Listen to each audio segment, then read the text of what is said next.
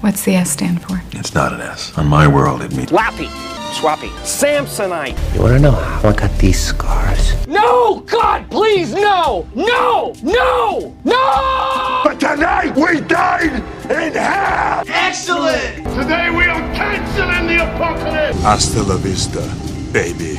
Oh.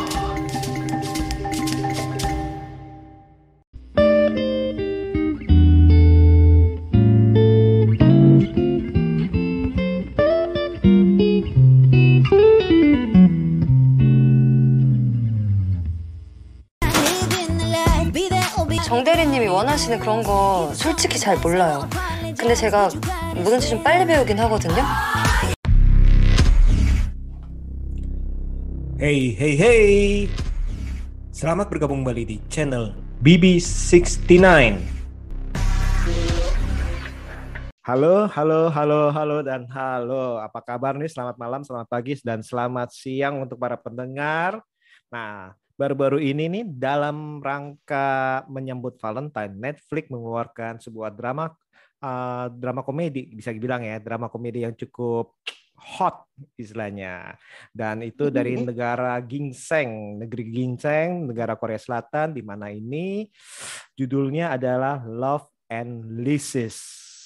Nah, film ini juga dibintangi oleh yang pertama ada Sehun, itu member dari Girl Generation, dan juga ada Lee Junyang, boy band dari Yukis. Nah, sekarang ini sudah bergabung dengan para sahabat nih. Ada Mas Aska, apa kabar Mas Aska? Baik, halo semuanya. Selamat malam, pagi, siang, sore. Oke, sehat ya. Yang Halo. kedua ada Sehat. Bre Alfian. Halo Bre, apa kabar? Halo, halo semuanya. Baik, baik, baik. Syukur, baik. Gimana kabarnya, Mas Tiawan?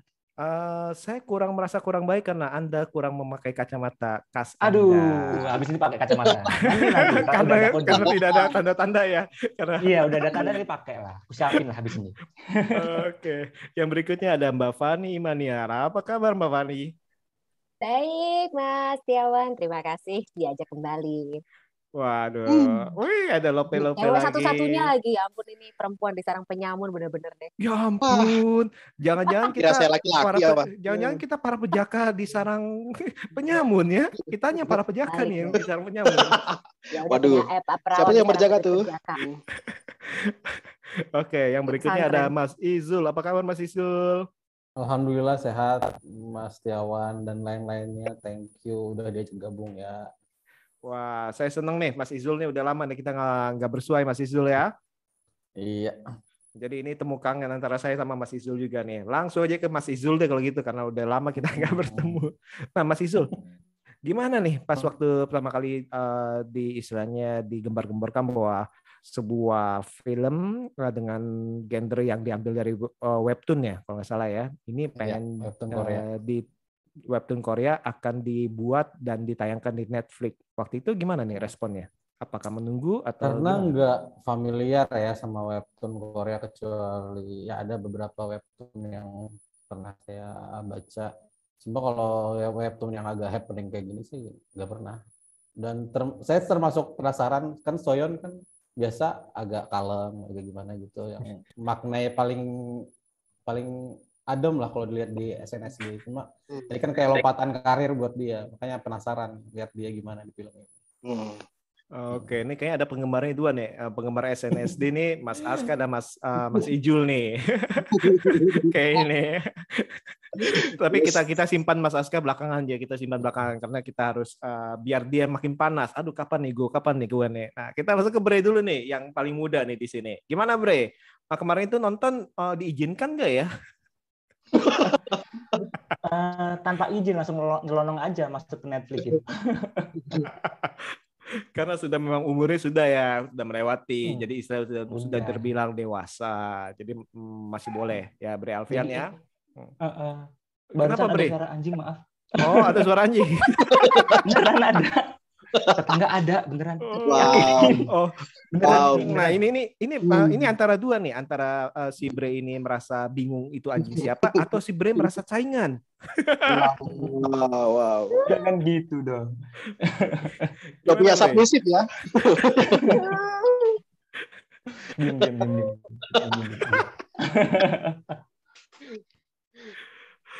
Gimana Bre? Gimana Bre? Pas uh, nonton film ini gimana? Uh, awalnya sih uh, nggak tahu apa-apa ya sama Love and Leeches ini karena emang ya udah buk lagi buka Netflix terus lihat ada yang baru buka aja. Toh juga nggak tahu sama siapa tuh Sohyun siapa itu Lee Jun yang. Nggak tahu kan nggak ngikutin SNSD juga. Hmm. jadi ya pas nonton sih awal-awal kayak oh ini apa sih? Tapi akhir-akhir kaget gitu. Awal-awal, oh ini apa sih akhir-akhir? Oh. Oh iya, teredukasi lah, teredukasi. Wow, mengambil edukasi dari kayak gitu. Nggak nyangka aja nih bakal kayak gini nih mengejutkan sih, mengejutkan. Nah, dari waktu oke okay, kan kemarin kan uh, dibilang kan iseng-iseng bukan Netflix, ternyata itu kan emang uh, termasuk top 10 ya kalau nggak salah ya. Jadi istilahnya yeah. uh, kemungkinan besar itu di beranda itu kan pasti kan nongol terus ya. Nah, dari ngeliat poster itu uh, ada perasaan penasaran atau istilahnya emang nggak ya nggak nggak ada sesuatu gitu gimana? Ini dari poster yang belakang uh, saya ini gimana ya? mungkin karena visualnya ya kali ya. Kan ada si udah tahu kan kalau itu jadinya si Sohyun kan. Ya mungkin itu sih. Kayak itu megang apaan? Item-item kayak gitu kan. Kayak oh. pecut atau apa itu? Kan. bukannya Catwoman oh. gimana? Catwoman Catwoman Catwoman kan juga. Enggak. Ya udah lihat aja sih Oke oke. Nah, Tapi nggak nggak se seitem-item itu sih. Nggak seitem-item itu. Oke. Nah, Mas Aska nih kayaknya udah udah gregetan dan ngomong, tapi kita langsung ke Mbak Fani dulu. Belum Mas Aska. Iya. Sabar Mas. Biasanya yang terakhir justru yang paling Aduh, paling bocor. Beban dikasih punchline. Yeah, kita kita apa kita save ya buat yang paling terakhir. Kayaknya Oke, kita kita jaim dulu, kita jaim dulu. Jaim dulu ada ada Mbak Fani, kita jaim dulu. Ya, gimana Mbak Fani kalau menurut Anda yang gimana? Yang ada tiga nih berarti ya yang suka sama SNSD soalnya aku salah satu Sowonnya juga. Oh, Tapi Baisku okay. bukan Baisku bukan Sohyun. Cuma hmm. Sohyun ini memang uh, Sohyun dan Lee Jun Young ini kan adalah kata uh, aktor eh, aktor idol, idol actor hmm. gitu. Jadi aktor hmm. yang berangkat dari idol K-pop dan hmm. dua-duanya kayak sih cukup promising sih kalau ngelihat hmm. aktingnya di film Love and Licious kemarin gitu. Uh, nggak ada yang apa sorry sedikit lah momen yang cringe tapi sebagian besar membuat kita adore mereka berdua terus hmm. eh, ya walaupun memang filmnya itu uh, lebih aman ditonton malam hari ya kawan-kawan ya gitu. Hmm. Terus kalau ngelihat top 10 Netflix kok kayaknya memang ser sering kali diisi oleh film-film yang bernuansa 21 tahun ke atas kita tahu ya berarti ya penonton Netflix ini nakal semua. 36 five days. Uh, tapi so far Terus kemarin apalagi tuh uh, belum munculnya Fifty Shades of Grey gitu. Terus kalau ini kan hmm. kemarin dibanding-banding sama sempat dibanding-bandingkan sama Fifty Shades of Grey tapi uh, berhubung ceritanya Fifty Shades of Grey sesampah itu yang ini masih bisa bikin kita tersenyum setelah menonton filmnya gitu hmm. walaupun nilainya tidak sempurna tapi ya cukuplah Oke oke, okay. cukup menggemaskan ya. Oke, okay, Mas Izul. Eh, Mas Aska belum. Maaf, Mas Aska. Nanti marah dia gimana gimana gimana? dong. Gimana? Fifty Shades of sih. Gak boleh gak boleh kualat gimana, saya. Gimana, gimana? Fifty Shades of Grey nonton nggak? Nonton dong, masa dilewati. Ketahui kapan enak banget itu. Saya saya saya ngelewatin loh, serius. Saya nggak nonton. Aduh. Mas Isul gimana? Nonton nggak Mas Isul? Sebelum saya kita kembali. nonton. Satu dua.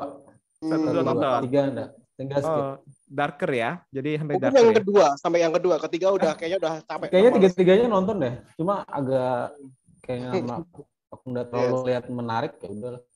Eh, Oke. Okay. Kalau Bre Bre nonton Bre Fifty Shades? Enggak nonton. Enggak nonton. Nah, abis nonton ini merasa penasaran nih kayaknya nih. Enggak lah, aku up dulu lah. Ya up lah, soalnya kenapa? Kalau karena si Bea Alvia ini apa kualitas nontonnya nonton Oscar, BAFTA, ya, ya itu itu nanti kaget ya nonton itu otaknya nanti kacau. Ini Oscar banget, Mas Bre, sumpah Oscar banget Fifty sampai gila. Lagi ngikutin aja sih, lagi ngikutin aja. Oscar lawalata tapi ya. Oke, okay, langsung ke Mas Oska. Gimana Mas Oska? Uh, dalam arti waktu pertama kali pas ini pengen muncul nih, apakah ada mm harapan-harapan atau istilahnya satu hmm. misi tertentu? Ah, film Korea. eh, ber- dibahas dari drama Korea dari da- zaman-zaman dulu tahun 2000-an gitu kan kayaknya cerita Korea berkembang ya. Kayaknya kan dulu era-era drakor di Indosiar gitu era, eh, adegan ciuman tuh udah paling mewah gitu loh di adeganan di pengadeganan Korea gitu.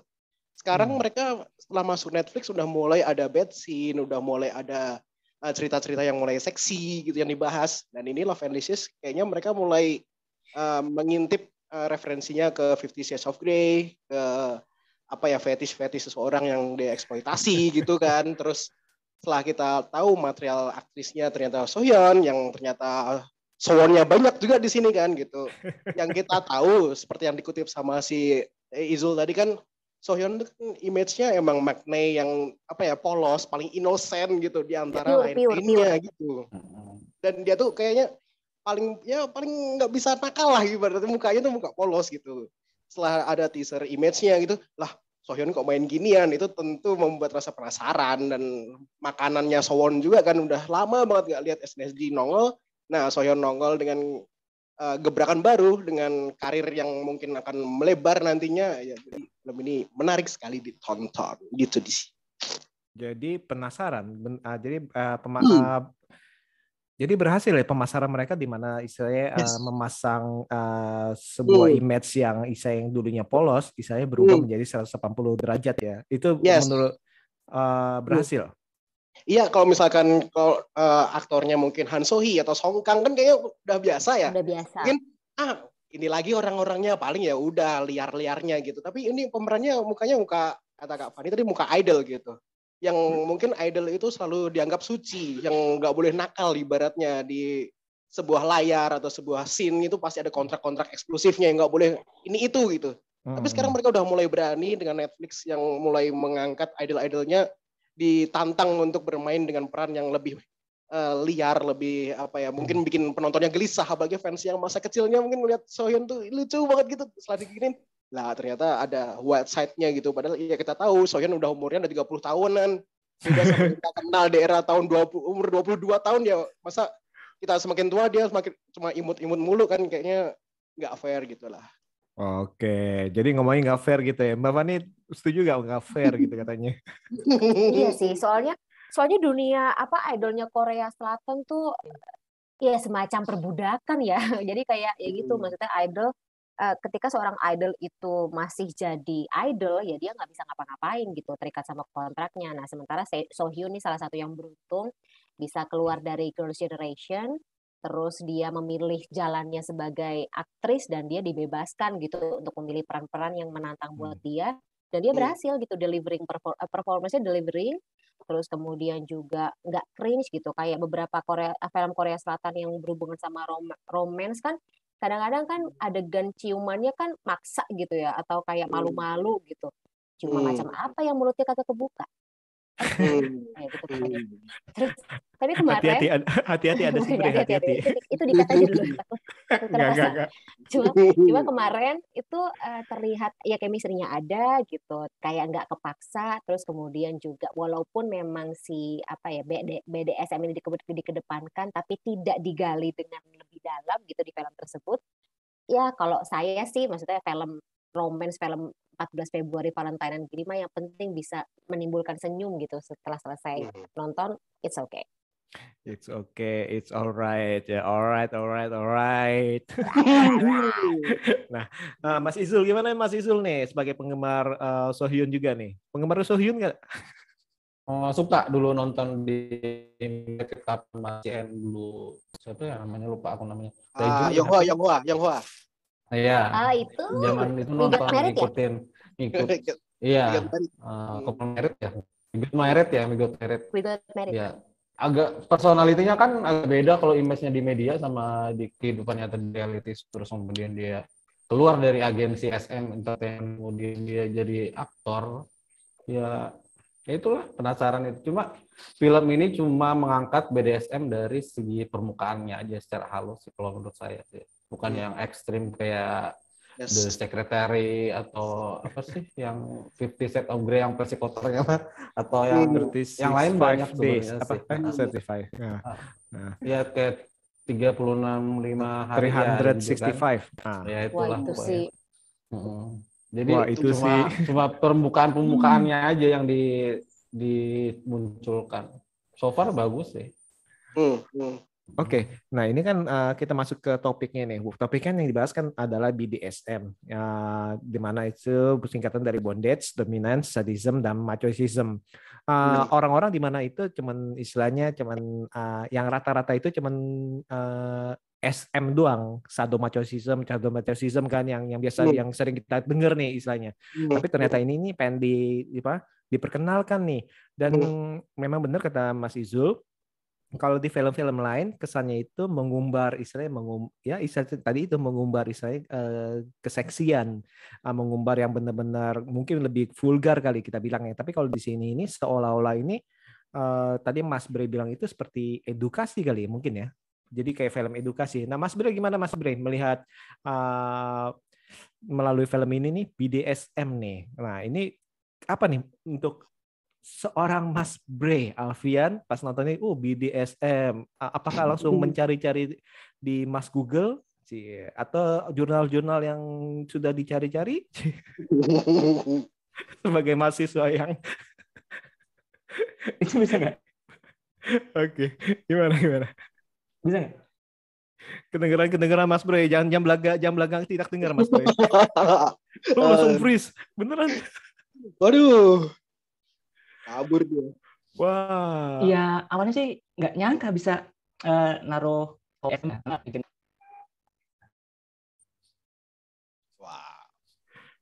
Udah Wow. mulai panas nih. Ternyata disabotase deh oleh disabotase. seseorang yang tidak ingin Mas Bre. Yang tidak mendukung guys untuk Nah. ngomong yang rusak-rusak malam ini. jangan-jangan sang dominans eh ini anu nggak ngelag nggak putus Iya, nama Udah, udah aman, aman. Halo. Nah oke, Eh, itu dominannya tolong tolong minta izin dulu ya diizinkan berbicara. sorry sorry sorry Gak apa-apa. Gimana gimana Mas Bre?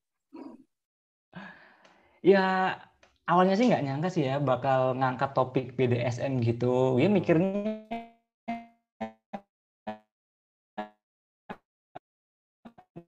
bakal apa ya kayak topiknya. Dan ya emang bener tadi eh, emang mengedukasi sekali. Niatnya tuh jadi tahu gitu. Masalahnya eh, sebelum-sebelumnya pun juga nggak terlalu paham kan apa itu apa itu BDSM maksudnya dalam konotasi apa gitu kan. Dan menurut gue sih ini premisnya bagus banget sih. Karena dia mau coba eh, romcom tapi ngangkatnya yang dewasa gini. Dan itu tuh dewasa dewasa dewasa kayak gini temanya. Tapi dia nggak ada adegan yang benar-benar pure kebuka gitu loh. Jadi am- aman-aman aja sih.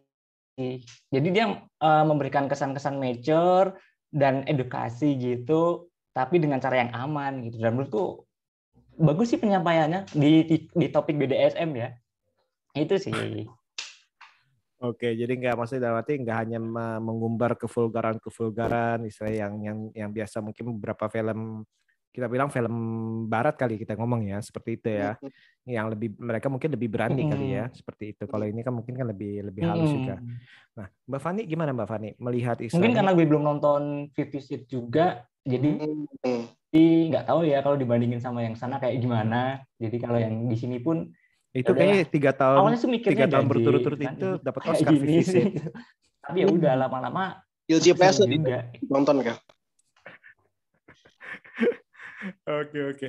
Nah Mbak Fani gimana Mbak Fani Eh, mengenai penyampaian BDSM di di sini? Karena dalam arti kan mungkin kan eh, orang awam itu banyak sekali orang awam itu yang mm, menjudge istilahnya eh, bi- eh, pelaku kita ngomong pelaku atau istilahnya kita ngomong itu iya, fetish ya yang punya fetish kayak gitu tuh Ah, berarti ah. memiliki kelainan jiwa tanda kutip gitu kan Ah, ah, kelainan betul. seksual gitu-gitu padahal Betul. sebenarnya sih eh, nah itu yang ini salah satu yang aku sayangkan dari film Love and Licious itu gitu. Maksudnya premisnya cukup menarik terus kemudian mereka ingin mentackle isu yang eh, kontroversial Hmm. tapi kurang dalam dibahas di film itu. Jadinya kayak ya mengedepankan chemistry antar leadnya terus kemudian eh, udah gitu doang. Jadi film romantis tapi ada bumbu BDSM-nya gitu doang gitu. Bukan jadi bukan isu yang akhirnya membuat kita mengerti eh, bahwa fetish BDSM itu Hmm. sebenarnya fine-fine aja gitu. Komunitasnya pun ada banyak di sini gitu. Apa di di Indonesia pun juga banyak gitu dan komunitas atau fetish yang di, dilabeli atau diberi stigma uh, kelainan kayak gitu juga bukan BDSM aja banyak yang lain kayak komunitas swingers gitu. Kok gue tahu-tahuan aja ya. Ada Google.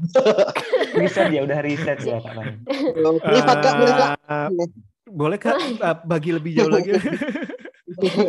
Nah, gitu ya komunitas uh, apalah gitu apalagi sih yang ada di BDSM terus swingers kan biasanya yang tadi terus kayak ada juga orgy gitu-gitu Hmm. eh, eh, apa ya yang kayak gitu-gitu mungkin eh, dianggap sebagian besar orang terutama yang tinggal di Indonesia gitu yang punya nilai adat ketimuran pasti kan nggak normal ya gitu tapi eh, ke- film Love and Licious ini kan tadinya pengen ngangkat bahwa selama fetish tersebut dilakukan oleh pasangan yang punya konsen yang sama eh, terus kayak semacam eh, apa ya punya boundaries gitu punya batasan yang sama kayak si yang dilakukan sama Jiwoo dengan Jihu kan mereka juga bikin batasan ya gitu kayak ini cuma berlaku tiga bulan doang.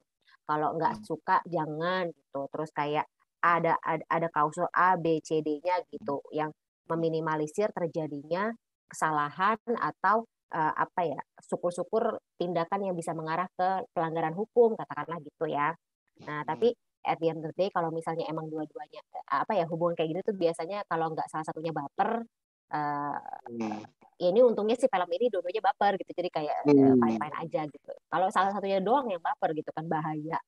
Nah cuma itu maksudnya eh, kalau konsensual sama-sama punya sama-sama setuju nggak masalah gitu. Sam- toh sama-sama tidak melanggar pidana kan gitu. Eh, kalau dua-duanya sama-sama single ya kalau salah satunya punya eh, suami ya itu udah masuk ranah pidana gitu. Atau punya istri punya itu ranah pidana. Atau satunya nggak suka bisa masuk ranah pemerkosaan pidana juga gitu. Jadi eh, itu sih yang eh, selama ini suka misconcepted gitu sama sebagian besar orang yang tidak mengerti bahwa fetish-fetish ini ada. Dan kalau dilakukan secara benar ya nggak apa-apa gitu kecuali Hmm. pedofilia itu bukan itu bukan fetish itu kejahatan titik Yes. Hmm, Yes. hmm, hmm. itu udah udah murni kejahatan dan istilahnya kalau kalau istilahnya kekerasan seksual itu misalkan kalau istilahnya eh, salah satu istilahnya tanpa konsen ya berarti itu kan kekerasan seksual ya kita bilang ya seperti itu ya. Hmm. Nah ini me- memang jadi masih jadi pertentangan sih soalnya ada di beberapa itu kan ada yang bilang ini tetap lagi kekerasan segala macam. Nah justru di, di dalam film ini kan seolah-olah ini ingin di eh, tanda kutip ingin mengajar em, menga- bukan mengajarkan sih jadi menyuarakan menyuarakan menyuarakan mungkin ya bagi mereka Mhm. yang eh, yang istilahnya eh, para kaum eh, yang melakukan BDSM nih. Nah ini BDSM ini ternyata itu ada dua nih lifestyle BDSM dan satu lagi eh, yang disebut itu king uh, king uh, or fetish BDSM. Nah, kalau Hmm. lifestyle BDSM itu ya orang yang menjadikan BDSM itu sebagai gaya hidup, memang udah benar-benar sehari-hari. Sedangkan kalau yang fetish itu cuman istilahnya istilahnya kayak coba-coba aja. Jadi bukannya Hmm. dia, dia- mungkin penasaran kali ya seperti itu ya. Ya. Nah, terus kalau menurut Rubin Rubin tahun 1984 ya BDSM itu eh, dapat tiga kunci utama eh, untuk mengawalinya yaitu pertama ada kemauan. Nah, misalnya Bre sudah ada kemauan. Oke, ada kemauan. Yang kedua, ada informasi. Nah, yang, yang sorry, yang pertama kemampuan. Hmm. Kemampuan, yang kedua informasi. Contohnya contohnya Agus sih Mas. Enggak, enggak apa-apa. Sorry interrupt. Soalnya kan eh, Mas Alfian itu eh, mirip kayak si Jun, sih, mirip kayak si Jihu, Jihu. Tampangnya Jihu. alim-alim. Oh, masa sih? Iya. Wah, disampaikan sama idol Korea loh ya ampun. Soalnya saya nggak mungkin nggak mungkin bilang Mas Aska kan agak-agak Waduh. dia kelihatannya. Saya Korea, bukan Korea. Sorry. Nah, seperti itu dan istilahnya ya eh, yang pertama ada kemampuan, yang kedua informasi, yang ketiga itu ada kemauan. Jadi memang Hmm. istilahnya memang ternyata itu eh, mungkin ya, mungkin istilahnya kalau yang di- digambarkan ada konsen-konsen tentang segala macam itu mungkin sepertinya sih eh, mereka itu memang ada mungkin kali ya, kalau yang baru-baru kenal segala macam ya. Jadi istilahnya saya saya nggak ngerti, ngerti juga sih. Dan itu cukup menarik sih. Dan tadi itu yang seperti yang eh, Mbak Fani bilang itu juga bahwa apa eh, kemungkinan besar itu juga eh, ini ingin menyuarakan, ingin menyuarakan sebenarnya ini ya ya ini ya ini mereka ini komunitas ini ada dan mereka itu tidak merugikan siapa-siapa. Mereka kan melakukan ini eh, mau sama mau nih istilahnya. dan tapi Hmm. masyarakat seperti yang digambarkan de- eh, dengan atasan, dengan teman-temannya yang Hmm, akhirnya hmm. mengetahui itu kan menjudge ya.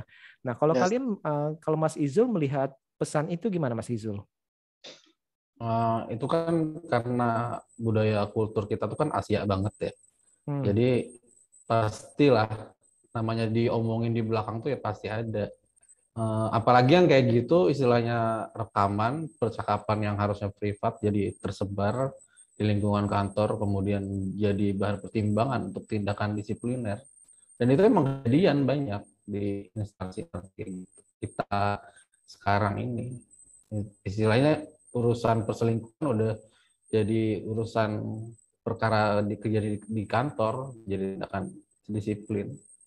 Terus juga eh, mm, eh, jadi kalau misalnya ini kan karena dianggap aib, dianggap tidak normal, kemudian juga dalam satu adegan dia ketika keluar dari lift kemudian disindir-sindir oleh pegawai laki-laki, menurut saya agak apa ya, agak mencerminkan sikap misoginisnya lingkungan kantor di Asia utamanya sih. Hmm. Gitu sih Mas. Oke. Gimana Mbak Fani? Tadi kayak setuju-setuju gimana ini? Ingin menyuarakan itu- sesuatu? Iya Korea Selatan tuh lebih eh, nggak nggak tahu lebih atau nggak tahu menurut aku sih lebih ya karena mereka terang-terangan sih kalau misalnya ngebully terang-terangan sih kalau memang misoginis gitu sama karyawan perempuan melihat perempuan itu level atau stratanya tuh di bawah laki-laki gitu kan kelihatan dari perlakuan terhadap Jiho kan eh kok ketukar sih Jiho tuh yang cewek apa yang cowok sih jadi Jiho itu yang cowok. Berarti Jiwo ya Jiwo. Eh, perlakuan terhadap Yang Jiwo cewek. Cewek. Ce- cewek gitu cewek Eh, pokoknya walaupun si Jiwo ini kompeten tapi dia selalu dipandang sebelah mata sama si bosnya kan gitu jadi ya menggambarkan sih Hmm. eh, kondisi lingkungan kerja di Korea Selatan tuh ya emang kurang bersahabat buat wanita jadi ini juga bisa jadi gambaran bahwa emang eh, apa ya masalahnya tuh bukan sekedar A, B atau C gitu, tapi ada ada lagi lah isu-isu yang laten terjadi di lingkungan kerja Korea Selatan yang tidak digambarkan di apa ya dunia entertainment lainnya yang kita ngeliatnya kayak Korea Selatan tuh ini banget ya keren banget ya gue mau kerja di sana ah gue mau hidup di sana ah mau punya suami sana ah Itu orang-orang apa Mbak Fani ini dulu nih? oh enggak enggak enggak, enggak. aku aku sudah aku sih sudah terbuka matanya bahwa itu adalah Cie, kebohongan terbuka. semata demi menarik perhatian kita warga Indonesia yang gampang tertipu oleh keindahan fana Hmm. itu Cie, asik. Ya ampun. Asik. Asik. Asik. Eh, Nah, Mas Aska gimana Mas melihat dalam arti eh, yang tadi kan dibilang apa? Oh ini nah apa ternyata itu eh, saya sih kalau melihatnya ini kesannya itu ya tadi itu mereka menganggap bahwa BDSM itu kan eh, sesuatu yang aneh, dalam arti sesuatu Hmm. yang kita bilang itu tidak Hmm. normal, Yes. abnormal, mesum. Saya kan dicap kayak Hmm. gitu tuh ya, yang kalau kata-katanya oh mesum lo gini gini gini Hmm. gini. Hmm. Eh, di satu sisi kan mereka kan juga eh, mempunyai prinsip loh. Ini kan eh, eh, ya tadi itu, ini kan berdasarkan mau sama mau persetujuan. Hmm. Kalau istilahnya bahkan eh, ada ada persetujuannya, kalau nggak mau ya nggak dilakukan. Jadi kan ini kan bukan suatu pemaksaan. Nah, Hmm. dan sedangkan masyarakat itu kan ya tadi itu mencap oh ini aneh nih, aneh nih. Padahal ya kita nggak tahu kalau zaman dulu seperti itu dianggap Hmm. normal, kita Yes. malah yang kitanya yang yang yang abnormal, kitanya nggak normal. Nah, Hmm. kalau menurut Mas Aska nih melihat hal itu gimana dalam arti disampaikan di film ini? Eh, sebelumnya konten Netflix yang berhubungan dengan fetis, dengan hubungan dewasa ini kan selalu mengambil dari sudut pandang orang Amerika, orang Barat, kemudian kemarin orang Itali gitu kan. Hmm. Sekarang Asia Timur ada representasi untuk eh, menyuarakan tentang cerita yang dibuat eh, dalam budaya Asia tuh masih tabu kan. Betul, untuk betul. untuk BDSM, untuk fetish-fetish gitu. Dan diceritakan juga di dunia kerjanya mereka juga masih ada eh, itu misoginis lah, masih ada rasa-rasa denialnya kenapa wanita itu eh, apa ya kayak dominan, di dominan. kerjaan juga Hmm. gitu kan. Hmm, pria Dan yang harus di uniknya wanita. juga, Hmm. Ya uniknya juga di film ini eh, pertama mengangkat BDSM, yang kedua yang dominan adalah perempuannya gitu. Hmm, Kalau hmm. di Fifty Shades of Grey kalau kita referensikan kan tetap cowoknya yang dominan ya gitu. Ini si cowok yang malah request, malah dia minta dia mencari majikan nih gitu. Hmm. Itu kan hal-hal yang mungkin di dunia di uh, Asia Timur tuh masih tabu banget gitu. Itu tuh masih menganggap laki-laki adalah iman, oh, iman, imam gitu. Hmm. Nah ini Patriarki juga ya. Ya ada patriarkinya juga gitu. Itu yang jadi berlapis-lapis banyak banget yang diangkat di luar kalau misalkan kita mencari konten oh konten BDSM nih pasti ada hal-hal yang seksi ada yang apa tapi setelah dari awal Netflix kan selalu ada di kiri atas selalu ada nudity seks gitu kan selalu ada warningnya Hmm. dan di Love and ini nggak ada tulisan nudity jadi Oh ya? ibaratnya Saya saya nggak nggak perhatiin tuh. Ada ya? Nggak ada ya? ya makanya setiap ada tontonan gini kan ini tontonnya ramah atau enggak nih untuk mata untuk uh, culture-nya juga untuk para idolnya gitu ya kayaknya setelah dilihat Love and mereka masih main aman gitu dalam segi visual gitu bukan separah Sex Life bukan separah Fifty Shades of Grey yang mengandung banyak visual-visual yang menggoda tapi esensinya itu hilang gitu. Yang penting kan cuman adegan ini kalau dimasukkan ke sosial media atau ke Twitter dua menit lebih ikonik lebih viral. Nah di film ini tuh nggak ada hal-hal yang membuat secara visual mungkin menggoda secara uh, menggoda mata atau nafsu birahi itu nggak ada. Karena ini lebih ke uh, maknanya makna tentang uh, dominansnya tentang submisifnya poin-poin itu dan culture-nya penerimaan di dunia kantornya dengan bosnya yang juga sedikit seksis juga sama anak buahnya. Kayaknya mereka lebih mengangkat itu tapi gimana caranya lebih seksi ya? Oh ya udah pakai nama-nama BDSM ini gitu sih. Jadi menurutku mereka masih main aman untuk di dunia uh, perfetishan ini. Mereka nggak mau terlalu banyak visual yang vulgar. Ya sesuai dengan omongan Bre kalau uh, edukasi yang penting gitu. Mereka mengutamakan ada pemahaman ada konsensual dalam berhubungan nggak ada yang namanya pelecehan. Ini poin-poin itu yang mereka utarakan bukan kayak badannya Sohyun kalau kalau pakai baju bikini gimana atau pakai baju leather itu gimana. Kayaknya mereka nggak menganggap itu dan nggak fokus ke situ juga sih. Walaupun dia pakai ada scene dengan baju leather pun nggak terfokus dengan wah filmnya gimana? Wah seksi sih Sohyun. Nggak gitu. Jadi emang kita poinnya oh ternyata ya wajar aja kalau misalkan si cewek itu dominan di dalam sebuah cerita atau di dalam sebuah hubungan selama konsen gitu aja sih menurutku sama bicara mengenai BDSM atau fetish gitu juga ada Eh. yang ada ada yang menarik tapi ya itu Hmm. maksudnya karena karena diangkat di akhir-akhir banget jadi kayak ya elah tahu gitu kan Hmm. dari awal gitu. Orang-orang yang punya fetish ini tuh juga punya insecurity sendiri gitu loh. Jadi Hmm. kayak kalau eh, seperti kan kasusnya si Ji Jiwoo, Jihu.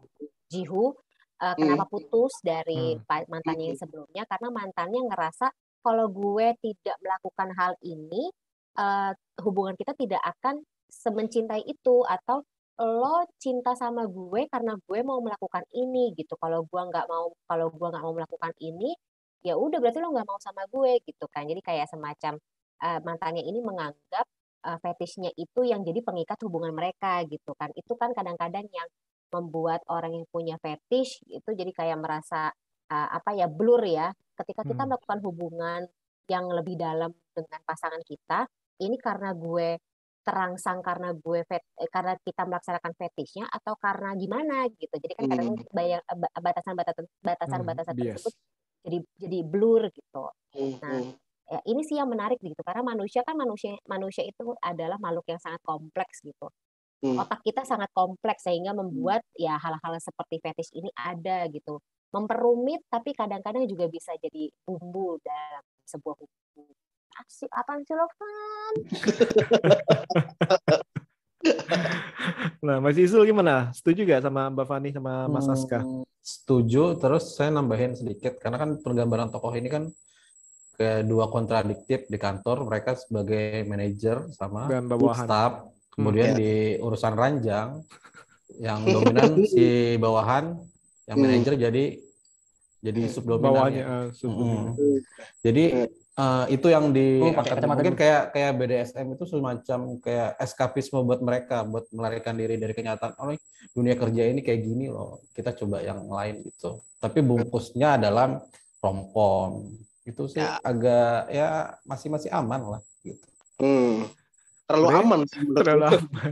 ya sebenarnya terlalu aman karena cuma iya. luarnya aja Ya, ya itu dia. Tapi Gimana, mungkin eh, eh, balik lagi ke pasar ya. Pasarnya kan eh, Netflix itu kayaknya nggak melulu yang nonton itu kan eh, di atas 30 tahun Hmm. banget ya. Jadi apalagi ini kan diangkat juga dari webtoon. di mana ya pasarnya tahu sendiri lah makanya main aman juga. Dan mungkin memang uh, film ini memang benar kata Mas Aska tadi main aman dan rasanya emang tanggung-tanggung semua sih. Dari pesannya yang mau di, dikasih juga nanggung gitu kan. Ngedukasi juga ya sebatas edukasi yang bisalah buat ngerti. Tapi juga kalau dieksplor lebih dalam kayak tadi Kak Fani bilang film ini memang nggak dieksplor banget sampai benar-benar dalam gitu. Tapi kalau secara uh, tadi yang udah kita bahas bareng itu emang kelihatan banget kalau film ini sebatasnya aja ngasih edukasi. Dan balik lagi karena film ini tuh uh, apa ya namanya juga genrenya romcom ya. Dan hmm. jadinya itu jatuhnya ini filmnya tuh uh, ringan aja tontonan buat seru-seruan aja gitu. Hmm. dan sebenarnya sebenarnya jujur kalau misalkan premisnya ini ini seger banget sih karena uh, romcom uh, ada topik BDSM juga gitu kan dan yang angkat juga Korea itu ini seger banget sih cuma ya hmm. tadi karena masalah untuk untuk tontonan ringan aja jadi nggak bisa terlalu dieksplor lebih dalam jadi ya hmm. udah Terus kalau mengenai mereka menyelipkan istilah, oh ini nih ada ada oknum yang mengaku-ngaku sebagai uh, apa komunitas BDSM, tapi ternyata itu ya memang orang yang suka kekerasan seksual segala macam ada ada hmm. ada yang itu ya. Nah itu menurut hmm. kalian uh, sebenarnya apa yang ingin disampaikan nih dari dari scene tersebut? Hmm. Ya kalau dari yang waktu dia ada adegan apa mukulin siapa sih uh, temannya Jiwo ya hmm, hmm. Nah, di dalam di dalam sel itu kemudian diikat apa pelaku PD, BDSM palsu ya artinya ada selalu ada pihak-pihak yang mengambil keuntungan dari komunitas-komunitas rahasia kayak gitu apa pun itu sih mau hmm. swinger mau orgy mau hmm. mau one and one trisam selalu ada pihak-pihak yang mengambil keuntungan dari situ hmm bersembunyi di balik istilah ya jadinya ya kesannya ya. Yeah. Untuk menghalalkan segala cara fantasinya mereka gitu ya. Ya ter, di film ini kan juga ada uh, adegan uh, kontrak kan. Jadi konsensualnya hmm. ditekankan dan emang adegannya itu lumayan deep intense gitu loh, bukan sekilas tanda tangan doang gitu. Tapi hmm. ada poin poin yang mereka sebutkan yang ada di dialog gitu secara hmm. gamblang bahkan di poin terakhir itu uh, ini boleh seks apa enggak, ini konsensual hmm. apa enggak. Itu kan ada hmm. penekanan di situ yang artinya ya, ya film ini ada edukasinya dari segi itu sih. Jadi enggak langsung asal siapa anjing, siapa majikan, siapa ini langsung di kamar di hotel langsung main langsung nggak jelas gitu kan. Tapi mereka emang bertahap gitu. Ya dilemanya hmm. akhirnya bertahapnya jadi kedodoran, jadi terlalu banyak ritual permainan yang menuju ke kebaperannya mereka itu kayaknya terlalu lama gitu. Kayak emang kalian kalau main ritual harus berkali-kali dan repetitif gitu ya itu yang berasa sih. Hmm. mungkin hmm. biar lebih nekanin aja kan rasanya apa permainannya itu biar makin kerasa gitu. Walaupun akhirnya jatuhnya kelamaan juga. Nah ya. Nggak mau ngomong sih takut ketahuan saya sama Mbak Fani sama Mbak Tisul cuma senyum-senyum aja ya biar kalian aja berdua yang yang bisa yang membuka eh, membuka diri sendiri. Setiap orang tuh punya fetishnya sendiri-sendiri kok Mas Setiawan. Yes. Iya, hmm. ada oh, yang langsung langsung nyambur cepet banget. Mas Aska, yes. Betul. Akhirnya ada yang menyuarakan. Punya Udah menyuarakan gitu, mengimbris, mengimbris fetish gitu. Yes, yes, yes, betul. Mungkin habis nonton ini Mas Aska langsung angkat gitu. Hmm, hmm. Hmm. Hidup kan cuma sekali, ngapain sih kita pura-pura jadi normal? Hmm. bahaya nih. YOLO ya, YOLO. YOLO. Kayak di, di, di antara kita ini apa yang dari dulu nih, dari dulu nih yang, yang cool terus ini Mas Izul nih kayak ini. Susah dipancing. Mas Izul. Yes. Lepaskan. Lepaskan. Lepaskan. Aku udah pernah sih nonton yang agak ekstrim ya tentang yeah. sex toy juga film dia di Korea. Dan itu hmm uh, adegan seksnya gamblang. Ingat yang istri yang main di Parasite? Mm-hmm. Jojo. Ya, ya, ya. Dia judulnya Kasa Amor apa sih judulnya Kasa Amor itu. Jadi kayak hmm. dia cari alternatif buat jadi seks dan BDSM itu masuk situ juga. Cuma instingnya sedikit. Dan itu lebih ekstrim gambarannya dari uh, apa hmm. Love and Lysis ini. Yes. Hmm. Hmm. Wow, wow, wow. Oke, oke. Nah. Wow, wow, wow, wow Mbak Fani lagi nyari nih. Mbak Langsung Fani cari. Nyari. langsung cari. eh. Yes, yes, yes, yes. Mbak Fani kan sebagai orang tua nih, Mbak Fani. Nah, sebagai seorang ibu, kan ini salah satu uh, salah satu istilahnya yang, yang Langsung berkesan sama saya nih. Dalam arti ya emaknya si si Jiwu. Dalam arti Ya. melihat si Jiwunya ngegap di, di di apa di apa di depan toko lagi diem gitu Iya. kan atau malah ngingetin kayak apa American Pie, Jim's Dead kalau yang kita seumuran. Mm, mm, mm, mm. Kalau Mbak Fani nih istilahnya menggap anaknya kayak gitu gimana? Apakah akan sekul itu atau atau gimana? Ya, kalau kalau Mas Setiawan kenal sama apa ngelihat kelakuan aku sih kebaca kayaknya bakal kayak gimana. Kemarin tuh bakal Bahkan di, dikunciin gitu. Enggak lah. Oh, aku, santuy ya. heeh, aku bakal kayak berlaku seperti mamanya si Jiwo sih kemarin gitu lucu banget sih.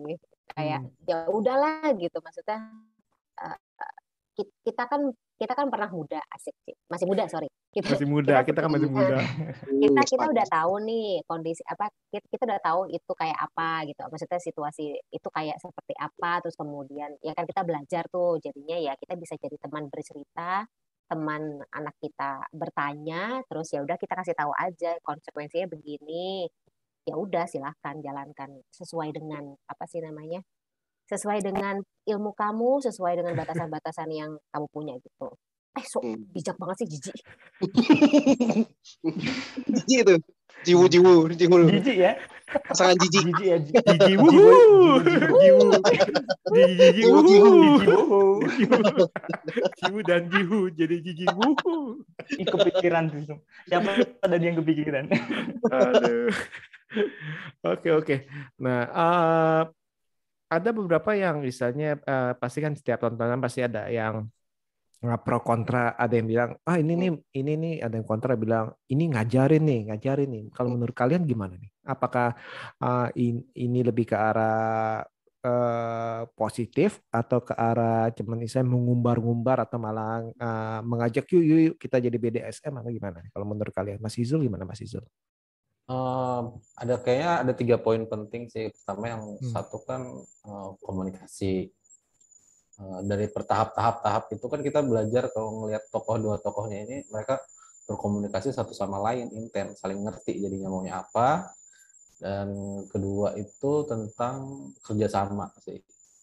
Hmm. Eh, mereka saling kooperatif gimana menciptakan suasana yang aman dan nyaman mau gimana pun caranya kan. Hmm. Terus yang ketiga eh, lingkungan kantor, lingkungan kantor Asia yang patriarki dan misoginis itulah yang kayaknya Hmm. tepat digambarkan di sini sih. Aku kelihatan banget kesoalnya dari dari dari hasil sidang ketika mereka udah selesai di tindakan disipliner yang satu jadi dapat dipotong gaji tiga bulan, yang satu kena suspend enam bulan. Hmm. Kelihatan banget kan omongan-omongan orang itu selalu ada mau mereka di mana pun juga. Hmm. Karena kan itu sangat menyebar skandalnya di kantor. Hmm. Itu Hmm. Hmm. Oke oke jadi ini memang dalam arti nggak nggak hanya yang tadi uh, sempat kita bilang di awal itu nggak hanya ingin saya eksploitasi uh, keseksian eksploitasi saya kayak film-film mungkin yang yang sudah beredar yang memang uh, pangsa pasarnya atau ditargetin memang untuk meman- tanda kutip memanjakan pikiran-pikiran atau mata aja ya seperti itu ya Mas Hmm. Isul ya Iya. seperti itu. Oke. Nah kalau dari Mas Aska gimana Mas Aska? Ya pro kontra. Ya pro-nya eh, seks edukasinya mereka memang lebih kuat tentang culture eh, Asia Timurnya dikuatkan juga dengan konsensual pasangan yang berjalan dengan baik yang dijelaskan dengan detail. Jadi kita nggak ada eh, polemik lah. Ketika ketika nonton tapi kok masa gini masa gitu gitu? Enggak. Jadi kita nontonnya pun juga nggak ngerasa ada perlawanan dari dalam batin kita gitu. Tapi secara kontra mungkin hubungan mereka ada sisi salahnya. Yang jadi konflik utamanya kan karena mereka melakukan itu di lingkungan kerja kan? Karena mereka jadi Hmm. skandal di dalam kantor gitu. Nah itu tetap mungkin- salah. Mm-mm. ya itu makanya. Jadi kalau urusan fetis kalau di bagian akhir kan dia bilang ini urusan personal gitu mau Hmm. sukanya tipe apa mau hubungannya kayak gimana itu urusan mereka berdua urusan Hmm. pribadi ma- masing-masing tapi kesalahan mereka juga ditampilkan kalau mereka melakukan itu kenapa di kantor kenapa Hmm. harus ada eh, media yang rekam itu gitu jadi kan ya mereka nggak bisa ber apa ya nggak bisa apa ya memisahkan diri dari itulah dia nggak bisa ngelawan ya udah hmm. kalau kena hukuman hukuman ya udah karena mereka juga salah melakukannya di kantor. Kalau di, di hotel mau uh, menggonggong semalam suntuk ya terserah gitu kan. Terserah mungkin itu masalah eh, kontrak dengan hotel. Tapi kan di urusan kantor itu beda lagi. Itu hmm. skandal. Itu yang harusnya dicerna sama penontonnya pro kontranya ya terserah mau berhubungan sama siapa pun dengan cara apa pun asalkan konsen tapi tidak di tempat umum gitu deh. Tidak di tempat umum jangan di lingkungan kerja gitu. Apalagi lingkungan kerjanya toxic gitu ya, makin lah double double lah itu konfliknya pecahnya kan di situ sih. Oke oke, Bre gimana Bre? Nah, kalau gue sih setuju sama Mas Askar ya ada, ada pro kontranya juga. Cuma masalahnya balik lagi film Love and Lysis ini kan emang tontonan ringan ya kalau udah di, dilihat itu. Jadi mungkin kalau dibalikin ke masyarakat mereka uh, untuk edukasinya kadang memang nggak nggak begitu uh, jadi bahan yang dipikirkan juga ya. Mereka kayak dapat di sini tuh uh, hal-hal yang lucunya juga yang gaji-gajinya itu. Karena gue juga sempet uh, lihat di di TikTok tuh rame ketika adegan yang lagi di kantor mereka berdua lagi lepas di kantor itu loh. Itu jadi bener-bener ini lucu banget nih sumpah menghibur banget pada ketawa ngakak gitu. Jadi mungkin untuk edukasinya ya uh, uh, tapi untuk kontranya mungkin juga uh, film ini uh, tidak tidak uh, balancing juga antara dia tuh mau mau memberikan pesan apa sih sebenarnya gitu loh hmm. selain edukasi tadi gitu jadi hmm. dia kayak uh, aku pun juga agak bingung mau mau hmm. ngomonginnya kayak dia tuh sebenarnya uh, tujuan film ini tuh apa gitu kan edukasi juga tanggung tanggung hiburan hmm. juga hiburannya kayak gini gitu loh hmm. jadi kayak um, ya gimana ya antara mau bilang ini buat uh, bagus juga gimana mau buat jelek juga gimana. Karena jadinya filmnya kayak uh, balik ke masyarakat market yang dituju gitu kan buat hiburan aja sebenarnya gitu. Hmm, hmm, hmm. Bener sih kalau kalau saya pribadi itu melihat ini nih uh, sebagai saya mungkin mereka ini ingin memperkenalkan BDSM kepada masyarakat timur kita ngomong ya dengan cara yang halus dalam arti dengan cara yang yang istilahnya yang yang soft dan istilahnya nggak nggak kasar dan istilahnya mungkin uh, terselubung saya nggak tahu mungkin apakah tadi itu sebagai uh, media untuk menyuarakan bahwa ya kita ini nggak nggak merugikan siapa-siapa. Kita ini ya seperti ini kita berdasarkan suka sama suka kita nggak melakukan kekerasan terhadap pasangan tanpa konsen seperti itu. Tapi yang saya yang saya sayangkan adalah di sini ini tidak sama sekali diangkat mengenai istilahnya negatif daripada BDSM di mana uh, beberapa kasus yang bisa menyebabkan sampai saya kematian dan lain-lain itu kan ada yang uh, sampai kelepasan seperti itu yang seperti kita tahu. Dan itu harusnya itu sih menurut saya sih tetap nah tetap di kalau memang untuk edukasi jadi istilahnya harusnya itu uh, di edukasi kalau mau ngikat ngikat yang benar jangan kekerasan. Kalau mau cekek cekeknya jangan sampai isa jangan sampai isa jangan sampai ini. Karena ya ya harus dikasih tahu bahwa ternyata itu ada kasus-kasus di mana itu yang fatal, fatality, ah, ya. itu sih. Dari sadomasokis ya. ah, ah, kan BDSM kan salah satu kan sadomasokis kan. Nah, ya, ya. Ikat ikatnya pun mereka kan juga ikat terus yang nginjak itu kan tuh itu siapa sih yang nginjak hak tuh kalau tiba-tiba tulang ya, belakangnya patah. loh itu kan berbahaya itu haknya itu lumayan loh buat buat mecahin apa uh, mecahin kacang juga bisa.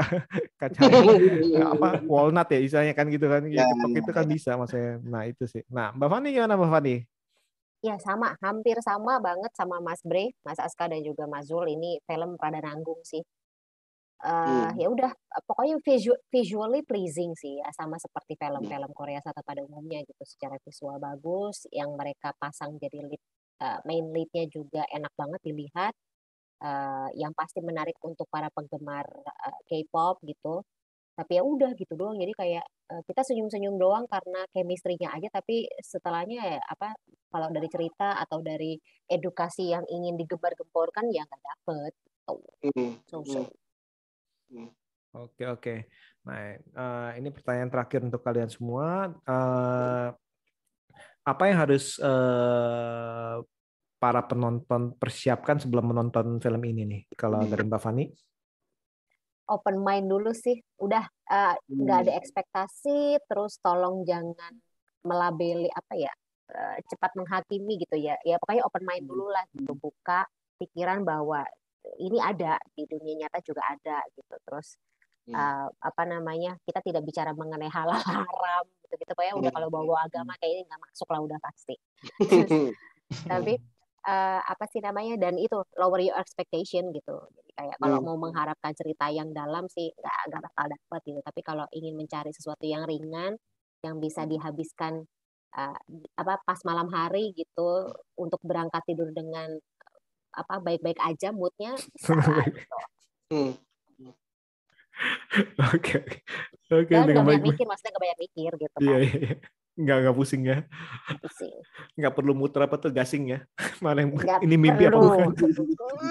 Nggak perlu mandi air dingin, nggak perlu. jadi, jadi Inception dong. Oke, Eh, Bre gimana Bre?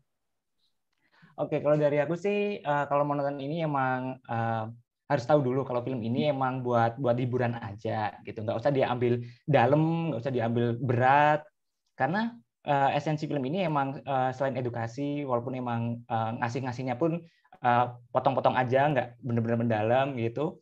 Ini buat eh, hiburan di kala stres kerjaan kantor gitu bener-bener bikin senyum-senyum sendiri sih, bikin ketawa ngakak juga sama tiap subscene-nya, chemistry-nya si Sohyun sama Lee Jung Yan juga yang bikin ketawa juga. Walaupun uh, bagi beberapa orang yang uh, nggak suka hal-hal yang berbau cringe gitu, mungkin bakal kayak ngerasa, ih ini kok filmnya cringe juga ya. Karena jujur aku juga yang nonton ini juga ngerasa cringe banget, gitu kan, adegan-adegannya. Tapi ya udah dibikin asik aja lah buat tonton ringan itu memang ya udahlah, gitu kan. Ngilangin stres ya emang kayak gini gitu buat seru-seruan ah, udah udah visualnya udah bagus kan Korea uh, tadi tadi aspeknya juga udah cantik kok kalau dilihat itu pas adegan di kaca itu juga menurut gue keren juga itu pas itu Hmm, hmm, hmm. kan terus komedinya juga ya dapat dapat lah gitu kan buat buat ketawa bareng temen kalau nonton bareng temen gitu kan nontonnya jangan bareng pasangan yang belum legal ya yang legal boleh nah nanti dipraktekin juga tapi Hmm. kalau yang belum ya kalau sama orang tua gimana? jangan deh, jangan deh. Jadi yang mau nonton ini mending eh, nontonnya sendiri aja ya, Bener. dan juga nggak boleh ngajak anak-anak kecil juga sih. Tidak rekomendasikan gitu. Harus pinter-pinter Di atas karena takut nanti Boleh Iya, boleh iya, sama iya, orang iya, tua, iya, Mas iya. Wawan. Hmm. Sama orang tua tapi harus ada ditambah rating lagi bimbingan orang tua biar. Hmm, boleh, boleh. Kita yang membimbing orang tua maksudnya ya. Iya. Aduh, gitu. Mas Isu lucu juga Mas. Udah makin malam pasti kayaknya. Nah, kayaknya harus lebih malam lagi nih Mas. Jangan dong. Baru kebuka ya, Baru kebuka. baru Karena ini kebuka. kan beda satu jam nih sama Mas Izul nih. Jadi harusnya lain kali ini kita lebih malam nih biar lebih kebuka. karena karena mungkin udah udah udah apa setengah sadar jadi istilahnya kita akan mengorek yang eh, yang terdalam. Udah nyaman Mas Izul. Udah nyaman speak up dia. Oke. Kalau Mas Izul gimana Mas Izul? Kalau menurut Mas Izul. Hmm, ya kalau mau diambil sisi positifnya sih komunikasi itu aja sih. Sama lingkungan kantor udah gitu aja. Terus ya hiburan dapat, romance dapat, actingnya bagus, chemistry-nya bagus. Gitu aja. Nggak, eh, dan ini kayak serial-serial Netflix nanti ada lagi yang lebih baru, lebih happening lagi. Lagi. Mungkin dibikin lagi yang entah yang sejenis atau lebih eksplorasi lagi kan. Hmm. We know, we never know sih. Hmm. Hmm, hmm, hmm. Apalagi misalkan kalau udah istilahnya udah masuk ke Netflix biasanya ya istilahnya lebih tanda kutip lebih berani sih dalam arti mengeksplor yang yang dianggap tabu seperti itu Hmm. walaupun masih di istilahnya selaraskan dengan budaya-budaya timur. Oke, Mas Aska gimana Mas Aska? Kayaknya udah udah udah nulis apa rangkuman nih. Hmm, udah banyak banget. Banyak Banyak banget, banget banget. Notulensi Ah, ya. Love and ya. Silakan silakan. Kayaknya harus eh, menaker ini ekspektasi juga. Mungkin kebanyakan orang referensi kan udah terlalu luas ya. Eh, Film-film macam Sex Education atau Euphoria atau mungkin kalian nontonnya Fifty Shades of Grey atau Sexy Zero gitu kan atau 365 Days itu kan yang pokoknya terlalu banyak visual nudity gitu. Ketika nonton ini mungkin rasanya kok kaget. Eh, kayaknya konsepnya sama, serupa tapi mungkin marketnya beda gitu. Ini marketnya mungkin ke anak SMA yang baru kenal sama pacarnya, mungkin mengenal eh, tipe pasangannya tuh gimana sih cara berhubungannya gitu loh. Apakah dia yang tipe kasar atau tipe yang eh, penurut kan nggak tahu kan. Ya mungkin ada bahasa-bahasa edukasinya. Eh, di film ini juga secara visualnya tuh lebih ke drakor juga sih, bukan eh, secara visine, bukan bukan visine, ah, bukan visine, masih bukan sinema gitu loh. Nggak sinematik sinematik banget gitu. Tapi memang didesain untuk di layar gadget lah, ibaratnya gitu. Gila ya gadget. visualnya juga gitu. Dan eh, tensinya pun kendor-kendornya manis-manisnya itu manis-manis drakor gitu. Konfliknya bukan semacam film Korea yang emang akan konfliknya tajam gitu. Makanya marketnya pasti juga ya teenager yang baru mau belajar tentang arti cinta dan seks gitu mungkin gitu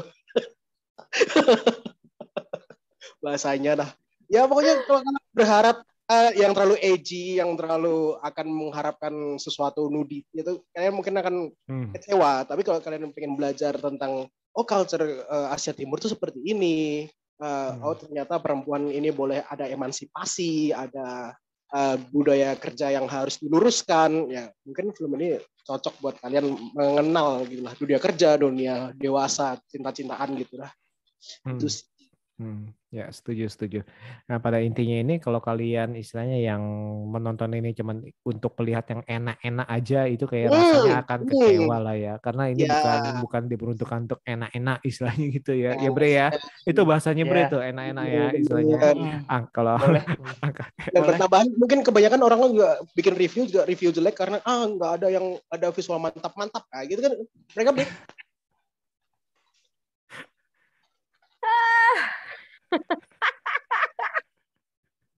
langsung disensor langsung. Tuh nggak kedengeran nggak kedengeran Mas Aska. Disensor tuh suaranya. Semesta tidak mendukung untuk ngomong kasar. Kayaknya ada auto block nih. Auto ya udah. Langsung kena otomatis sensor.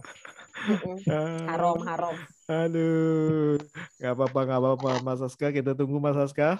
biasa biasa biasa kalau udah jam-jam segini udah mulai nakal udah begini oh, wah mesti tidak mendukung Eh, tapi kalau market pasar SMA masak SMA kayak gini udah diajarin dari SMA. Nggak boleh lah, tidak Nggak boleh. boleh lah.